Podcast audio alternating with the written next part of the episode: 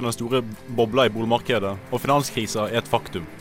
For å holde liv i økonomien og arbeidsløsheten nede, øker mange av de rammede landene sine egne utgifter.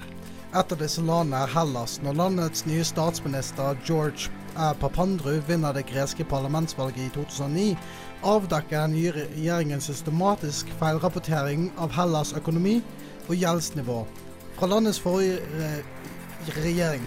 Denne oppdagelsen gir kreditorene og ratingbyråene kalde føtter, og man begynner å se nærmere på landets evne til å betale lånene sine. Når finansmarkedets tillit til landets betalingsevne daler, begynner situasjonen å synke inn hos Europas politiske lederskap. Du lytter til utenriksmagasinet MIR, og i dagens sending skal vi ta for oss eurokrisen. Finanskrisen som forandrer Europas politiske landskap for alltid. Mir var en sovjetisk romstasjon som i utgangspunktet var bygget for å vare tre år. Den varte til sammen 16. Som sin navnebror strekker utenriksmagasinet Mir seg ekstra langt for å gi deg det beste utenriksstoffet. Yes, da er vi tilbake her i utenriksmagasinet MIR. Og Magnus, hva var eurokrisa? For å først kunne forklare hva eurokrisa var, så må man definere hva eurosonen er.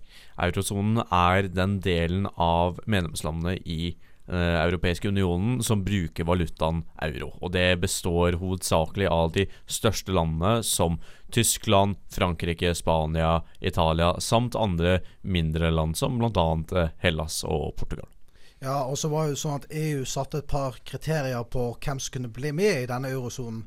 Som f.eks. at man måtte ha en eh, gjeld på 60 av eh, bruttonasjonalprodukt, mindre enn det.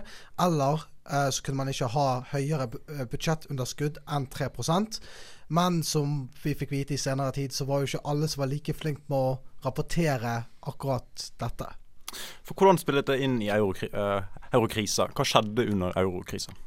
Det, det, var en del faktorer som, som, skjedde. Det var hovedsakelig utløst av finanskrisen fra USA. Eh, og hadde en slags ripple-effekt utover og til det europeiske kontinentet, hvor eh, mange av de sørlige europeiske landene som brukte euroen, som da spesielt Hellas, Spania, eh, Italia og Portugal, og Irland også, fikk store finansielle problemer det som man så, at det var jo at det de, første landet som var i denne krisen, det var jo Hellas. Når han George Papandru eh, liksom annonserte eh, budsjett og sånne ting, og avdekket eh, det den forrige regjeringen hadde gjort. Så det perspektivet man har på eurokrisen, er ofte gjennom Hellas, ofte gjennom det sørlige paradigmet. Men det en ofte glemmer, det var jo at hvis man så på Irland som land, så var det en tikkende bombe. For man så alle de samme symptomene i Irland som man så i USA. Og det var jo bare snakk om seks måneder forskjell på Hellas og Irland. Så hva hvis Irland faktisk hadde vært det første landet? Da hadde jo det endret perspektivet helt på hva faktisk den eurokrisen var for noe. Og man kan jo til og med se i Irland i dag at dette har hatt effekter. Det som skiller seg også veldig ut for mange av de uh, statene som ble hardt rammet av eurokrisen, var at de hadde store systemproblemer med, med, med med, med, tanke på budsjett, uh, penger og som, uh, som Snorre sa, med, med at man uh, avduket at det var store, store, gjeldsproblemer i Hellas. Så hver, hver, enkelt stat hadde sitt eget problem, men som samlet sett bidro til å gjøre eurokrisen så stor som den ble. Og Det som er forskjellen med finanskrisen i USA og eh, denne finanskrisen eller eurokrisen i Europa, det var at det var snakk om en statssolvenskrise. Og det det vil si på enkelt norsk, det var at disse ratingbyråene i USA ble usikre på om statene faktisk var At de hadde liksom egenskapene til å betale disse pengene tilbake. Og da eh, så de nærmere på Hellas, Irland og alle disse landene. Og så så de at jo, Hellas de kan jo kanskje ikke betale tilbake alle disse pengene. Og det gjorde at de fikk mye høyere renter enn liksom Tyskland. For de hadde nytet godt av at rentene var lave pga. denne pengeblokken. Men så, etter dette, så sprakk jo rentene i Hellas og Italia. De gikk bare rett opp. Så det var jo ikke noe som kunne stoppe det i hele tatt. Mm. Er det andre årsaker til eurokrisa som man uh, kan se for seg? Det var jo det, det, det vil jo si at det ble en systemsvikt i at uh, mange ble veldig skeptiske til banksystemet. Altså uh, hele Europa, kanskje med unntak av Sveits og Norge, uh, som ikke var med i EU, ble jo hardt rammet av finanskrisen i USA. Så altså, eurokrisen kom som en etterfølger. mange av de effektene vi ser som var kjen som kjennetegnet eurokrisen, kom opprinnelig fra finanskrisen i USA, men det var en del mistillit mot systemet som begynte å bygge seg opp. Det var mange som ble arbeidsledige. Det var uh, økonomier som ikke var justert til å ha en så sterk valuta uh, som det euroen var. Så det var, det var, mange systemproblemer som skjedde samtidig. Mm. Det som også er interessant å se på, det var jo at de tyske bankene, de franske bankene, de visste jo allerede eh, innsiden av Hellas sitt budsjett, når de fortsatte å låne penger til, til lave renter, for de trodde at de ville bli garantert av euro som en blokk, og det visste jo, det blir jo de fortsatt nå.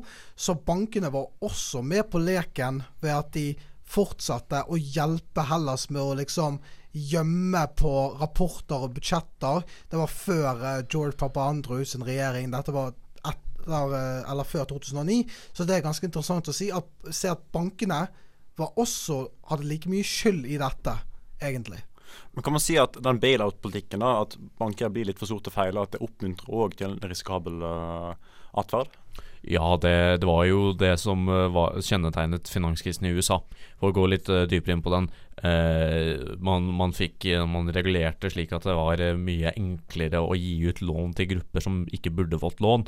Altså det, det handlet bare om at man, man, hadde så frie tøyler og muligheten til å karre til seg så mye penger, og gjorde bankene så store og solide som institusjoner. Eh, så ja, jeg vil, jeg vil si at det var en tydelig parallell der mellom USA og EU, med tanke på at bankene som Deutsche Bank eh, ble too big to fail. Det man også kan se, det er jo et, et moralsk problem her også. Eller det som man kaller økonomi, moral hazard. Og det, det vil si det er at bankene vet at statene vil komme og hjelpe dem nesten uansett. Så det som man så, det var jo at i Irland, etter at uh, man hadde denne finanskrisen som var nesten identisk til USA sin, så bestemte den irske regjeringen seg for at de skulle garantere alle bankene opptil fem år. Men det som skjedde da, det var at Irlands budsjett sprengte opp og at de trengte hjelp fra Det internasjonale pengefondet og andre slike organisasjoner for å hjelpe dem med å få økonomien tilbake. Når vi kommer tilbake, skal vi snakke videre om landene og hva slags konsekvenser denne krisa har hatt for land som f.eks. Irland. Se me sanciona porque convoco elecciones generales para que el pueblo vote libremente y elija una institución como la Asamblea Nacional Constituyente. Forstår du ikke hva Venezuelas president Nicolas Maduro sier her? Frykt ikke, for utenriksmagasinet MIR rapporterer på hele Latin-Amerika og resten av verden, slik at du kan få med deg de viktigste utenriksnyhetene.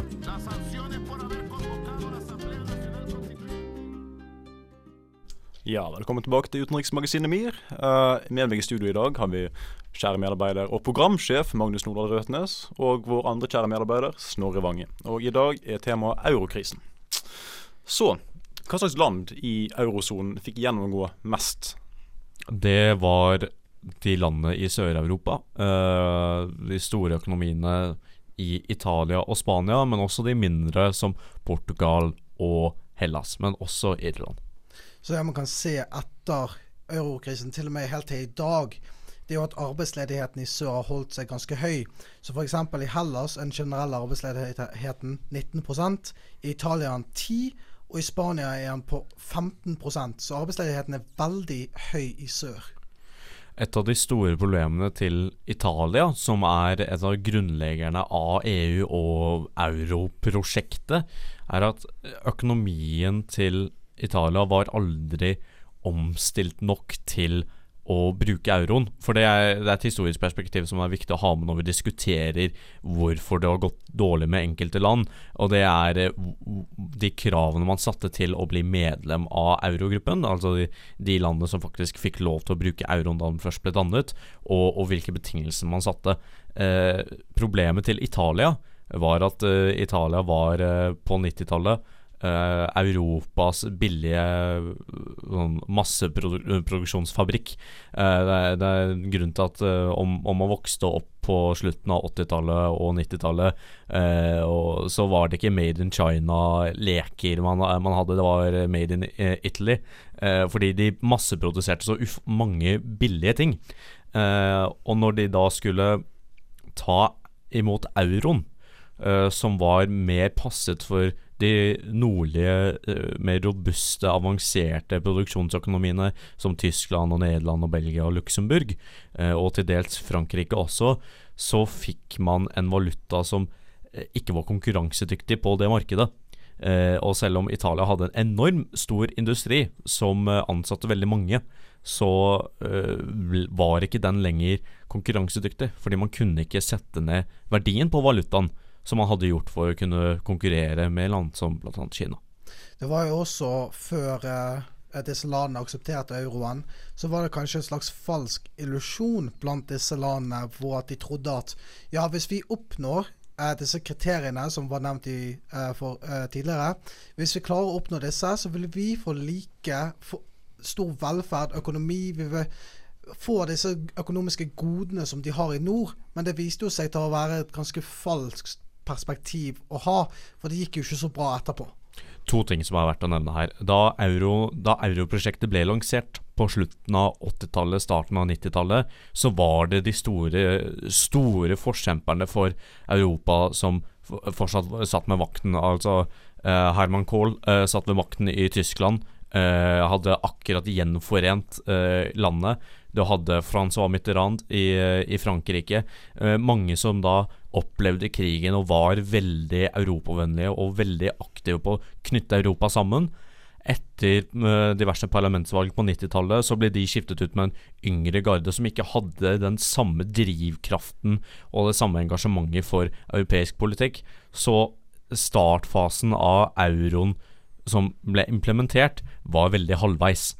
Eh, og det andre var at man så på litt, eh, for å bygge på det du sa, Snorre, eh, om at man, man, man, trodde at man ville få så stor velstand som økonomien i nord, at det ble et prestisjeprosjekt. Italia, som jeg nevnte i stad, ville egentlig ikke ah, bli med i euroen, men de følte seg tvunget fordi Spania eh, lobbet veldig mye for å bli en mer aktiv del av Europa, og Italia, som en av grunnleggerne av EU og EF, kunne ikke la et jyplingland som, eh, som Spania, som hadde vært et diktatur fram til 70-80-tallet, eh, få en mer prominent posisjon enn dem. Det som man også har sett eh, etter eurokrisen, det er jo at disse landene må ha hatt store innstramninger og budsjettkutt. Så det man så, det var en økende grad av privatisering avselging, altså landet solgte av eh, private og offentlige tjenester og eiendom til den private sektoren. De strammet inn, og dette det forhåndsbetegnelsen for dette er bare austerity på godt engelsk. Og det, det var jo den, de konsekvensene som kom etter, at, etter den eurokrisen. Og det var jo fordi når problemene rundt euroen oppsto, så var ikke de landene lenger konkurransedyktige, eh, slik som de hadde vært før de fikk euroen. Eh, fordi man kunne ikke regulere verdien på euroen, det var det europeiske sentralbanken som gjorde det. Og der hadde man alltid en liten inflasjon, så at det ble eh, litt, litt grann mer eh, høyere grad av inflasjon, da. Eh, som tjente de store økonomiene. Men eh, mange av økonomiene i sør var, er jo landbrukseksportører. Eh, Spania produserer enormt mye mat. Det gjør Italia også. Hellas eh, og Italia der også. Enormt avhengig av turisme. Eh, og det å ha en valuta som ikke passer det, er eh, ganske problematisk. Så det medførte til at det ble en enorm arbeidsledighet. Og man måtte privatisere, som Snorre sa, for at det skulle være konkurransedyktig. Det som jeg også sa, så etter dette, det var jo at mange økonomer gikk ut og sa at EU, som Magnus sa, var et halvveisprosjekt. Fordi at i den sentralbanken i USA den hadde to oppgaver, mens Europa sin hadde bare én. Så det man så, det var at Europa sin kunne bare kontrollere altså inflasjon som var, handlet om prisstabilitet, men den i USA handler også om vekst. Skape økonomisk vekst. Og det var da mange på den tiden sa vi, vi må la ECB, altså den europeiske sentralbanken, får denne oppgaven med å skape økonomisk vekst, men det er vanskelig, for at den har liksom ikke den autoriteten til å gjøre det. Når vi kommer tilbake, skal vi få høre en kommentar av vår kjære medarbeider Eirik Redarsen om et annet land som fikk lide under eurokrisen, nemlig Kypros. China, China, China, China, China, China, China, China, China, China, China, China, China, China, China, China, China, China, China, China. I motsetning til Donald Trump så bryr vi oss om mer enn bare Kina. Hør på utenriksmagasinet MIR for å holde deg oppdatert på resten av verden også.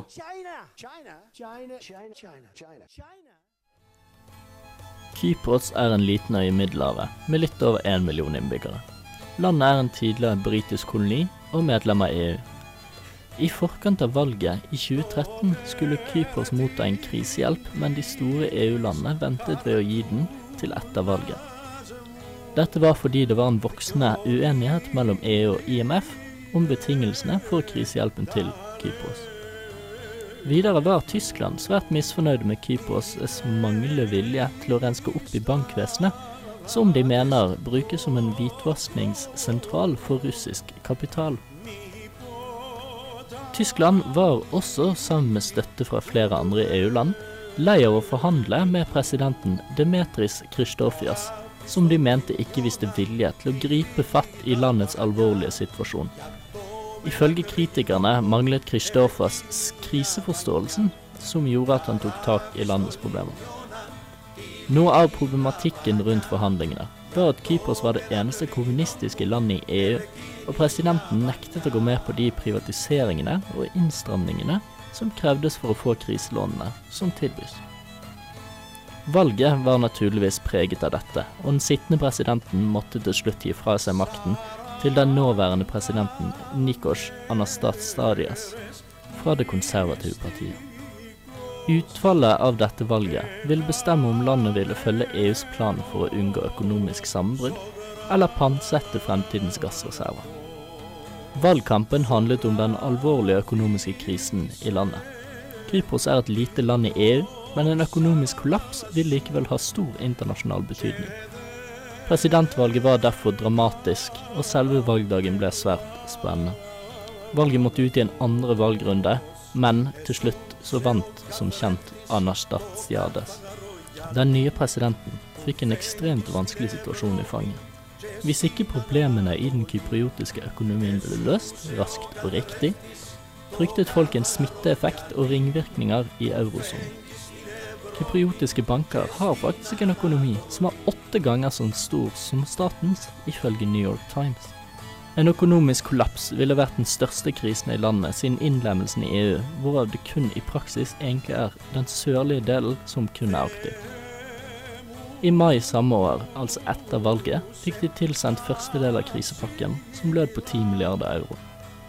Dette er betraktelig mindre enn de 23 milliardene regjeringen i Nikosia mente at landet trengte. Den siste tiden har Kypros vært preget av krig mellom den nordlige og den sørlige delen. I 2016 var de med på et internasjonalt toppmøte i Davos, hvor de ba om internasjonal støtte for å kunne skape fred på øya. Eurokrisen, intern krigføring og tidligere kolonisering har gjort at ferieparadiset er en svært ustabil nasjon. Men situasjonen har forbedret seg de siste årene. Så du kan mye om norsk politikk? Hva med Saudi-Arabia? Hva med UAE? Hva med Kuwait? Hva med eh, hele Latin-Amerika? Hva med hele Sør-Amerika? Hva med hele Asia? Hva med Japan? Hva med Kina? Hva med Russland? Hør på utenriksmagasinet MIR, og få med deg hva som skjer i resten av verden også.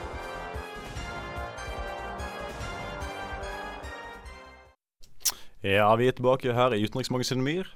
Og Snorre, hva har EU gjort for å reagere på Eller hvordan har EU på en måte respondert til denne krisa?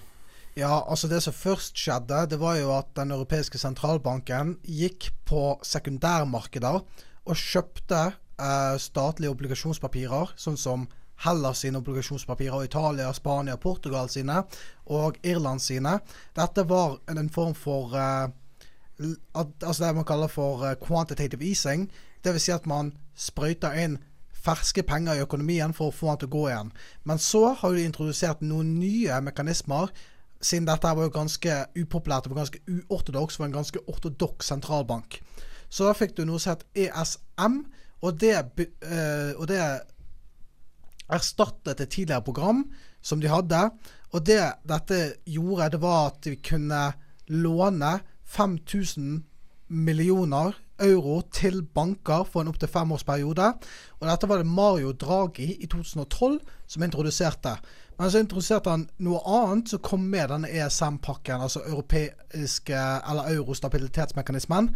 Og det var OMT, eller Outright Monetary Transactions. Vil si at stater får direkte penger fra EU til å hjelpe med å, å få økonomien gående igjen. Og så har du også LTRO, som er Long Term uh, Monetary Transactions, som handler mye om det samme. Men altså, det, det var også introdusert av Mario Draghi i 2012. Det som Snorre sa, spesielt med de to siste eksemplene, uh, har vært meget upopulære i de store økonomiene i nord. Spesielt i Tyskland, hvor man har fått inntrykket at man redistribuerer eh, inntekt uh, og verdier fra nord til sør. At pga. at uh, grekerne og italienerne er korrupte og late og rett og slett dårlige med å håndtere økonomien sin, så skal skattebetalerne i Tyskland uh, lide for det. Eh, så på, på hjemmefronten så har det vært upopulært, og det har vært upopulært i tiltakene de enkelte landene i Sør-Europa har måttet eh, ta i bruk. Pensjonsreform i Hellas eh, var, er jo et eksempel på hvordan det har gått meget galt. Eh, var jo mange Iallfall i et par år. Eh, opptøyer og mange som var eh, veldig imot det. Så det, det, det, har vært både upopulære tiltak for de i nord som sitter med pengene, og de som delegerer hvem som skal få hva, og landene i sør som prøver å få hånd, o- få hånd på situasjonen alene. Men så har du også liksom eh, I Hellas så var det ekstremt Altså, de var jo ekstremt misfornøyd fordi at Angela Merkel og eh, kommisjonen gikk jo ned for å diskutere restruktur eh, restrukturering av økonomien. Men det som faktisk skjedde, det var jo at Angela Merkel kom til eh, Hellas, Aten, og så begynte de å snakke om dette. Og så var de altså mekanismene som de prøvde å implementere så hard og så streng. Altså de prøvde å skvise vann ut av en stein. Og dette var ekstremt upopulært. De tvang Hellas til å selge av øyer, offentlig eiendom. De måtte selge av alt som handlet om det offentlige, fordi at de måtte tjene inn penger for å betale tilbake en gjeld. Men disse pengene gikk jo direkte til tyske banker. Og det har jo ikke vært særdeles populært blant de heller, så vi ser jo bare på de tyske bankene som grådige, og så ser de på Angela Merkel, som er så bare interessert i å beskytte tyske interesser.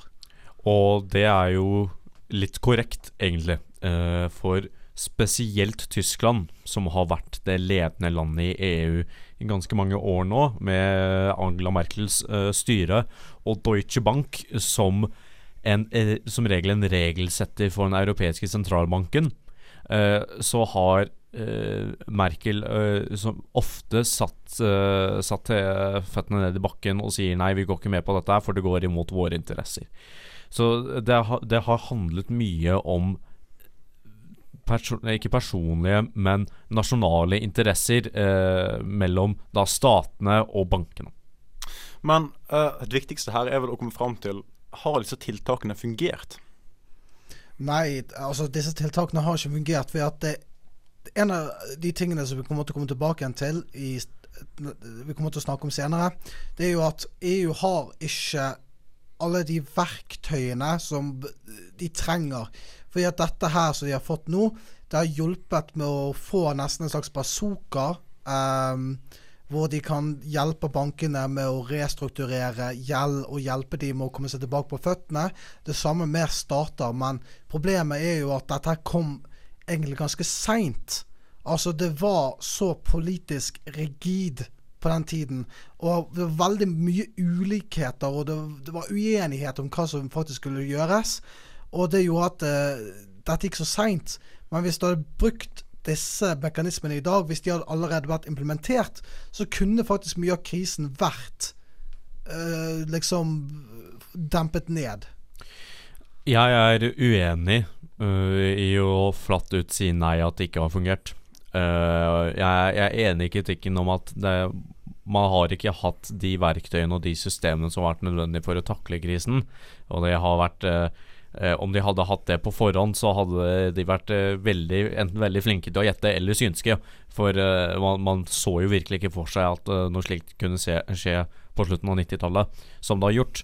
Men eh, vi ser jo at selv om Hellas har hatt store problemer nå med tanke på flyktningkrisen også, men som vi kan ha en helt annen eller flere sendinger om, så har de fått flere folk i arbeid. Det samme har Portugal. Det går bedre med, bedre med Irland. Altså, det, det, de har kommet seg igjen. Altså, EU har fungert på et visst nivå med å, få, med å hjelpe med å få folk inn i arbeid, men det er jo slett ikke slik at det gjelder for alle. Eh, I Italia og i Spania så har de hatt eh, forskjellige grunner til at de virkelig ikke har klart å få i gang økonomien. Enten det har vært eh, separatister i Catalonia for Spania, eller et så vanskelig og rigid politisk system i Italia at de ikke klarer å bestemme eller bli enige om noe som helst. Når vi kommer tilbake, skal vi snakke litt videre om hvordan eurokrisen har hatt konsekvenser for EU som et politisk prosjekt.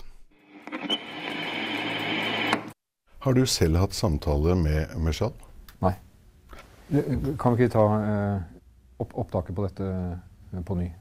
Hvis du heller ikke fikk med deg alle spørsmål, kan du høre alle våre sendinger på iTunes og srib.no.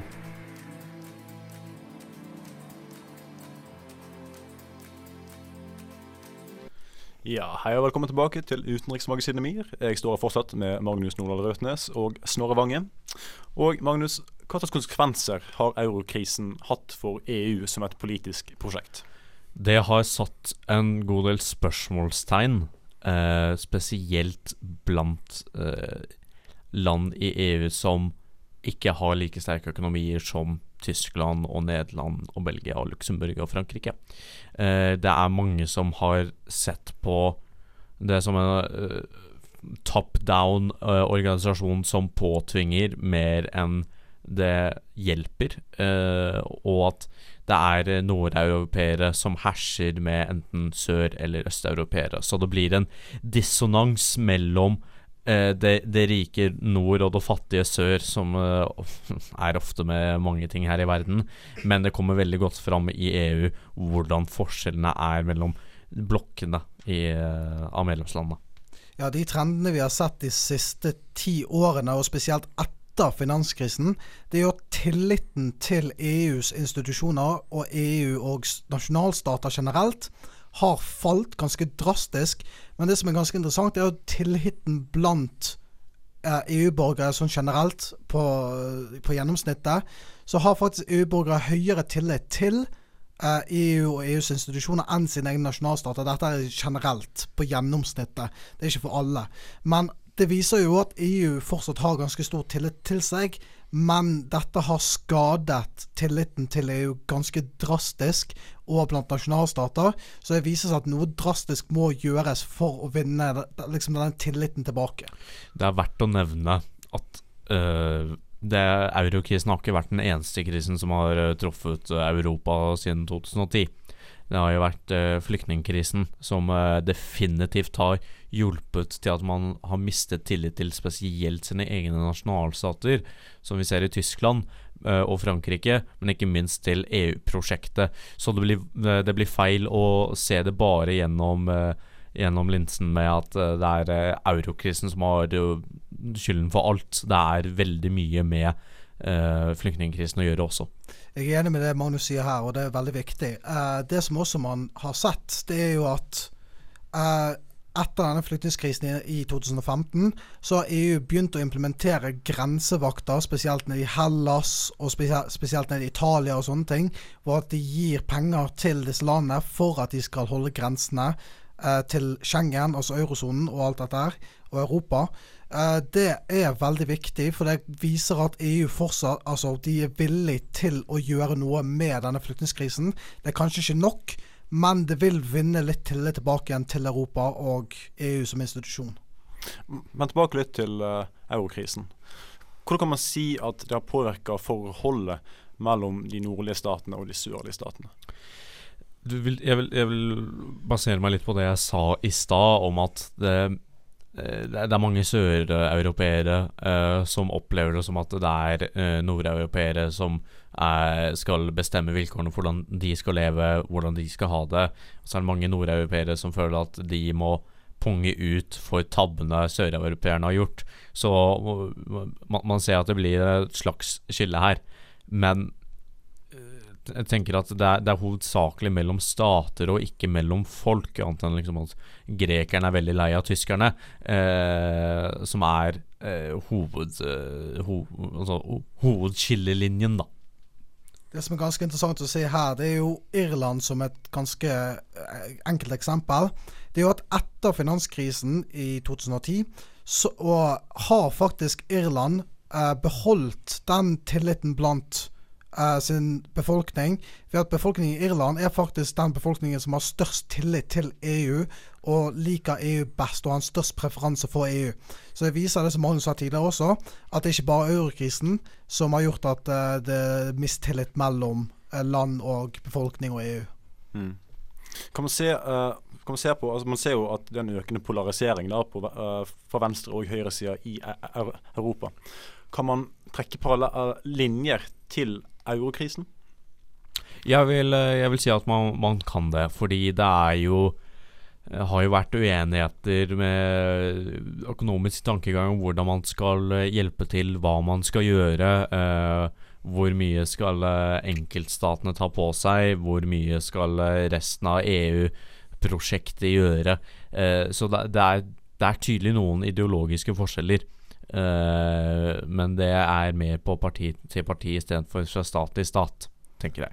Altså Det man kan se, det er at det er en ganske stor ideologisk skillelinje blant Altså det Man kan se Man kan se på to forskjellige sider. Du kan se på den liberale siden, eller det man kan kalle for ny klassisk økonomi. Og så har vi på den andre siden det man kan kalle for keynesianistisk økonomi. Og Det har vært en stor skillelinje der, og EU har valgt å bruke altså ny klassisk økonomi for å forklare økonomiske problemer, og hva man må gjøre for å liksom eh, løse disse økonomiske problemene. Og det er en stor skillelinje. For venstresiden pleier generelt å holde seg til det man kan kalle for keynesianistisk økonomi, mens høyresiden holder seg litt mer til nyklassisk, sånn senter-høyre, sånn som Angela Merkel og Macron. Kan du forklare kort hva du legger i begrepene nyklassisk og keynesiansk? Hva går det ut på? Altså nyklassisk, det den løsningen nyklasseøkonomi hadde på krisen, det var jo auster, altså austeritet, austerity. Det vil si at man skal privatisere, kutte ned på velferdsstaten, du skal kutte ned på offentlige tjenester, du skal la private markedet gjøre ting mer, og så skal, skal kutte skatter. Og det er sånn klassisk nyklassisk økonomi. Og deres offentlige politikk, recommendations, kan man kalle det. Mm. Men keynesiansk, det går ut på Det går litt mer ut på at det, det handler litt mer om at du på demand-siden, altså vil si at man skal ta og bruke staten eh, til å få tilliten blant investorer tilbake igjen i det private markedet. Altså du skal bruke økonomi til Altså det er liksom sånn som Norge gjør. Det er liksom sånn motkonjunkturspolitikk, kan man kalle det. Og det vet vel de fleste. Altså det var jo det han Jens Stoltenberg gjorde etter eurokrisen. Mm. Når vi kommer tilbake, skal vi avvikle dagens sending. Hei, dette er forsvarsminister Ine Eriksen Søreide. Du hører på utenriksmagasinet MIR.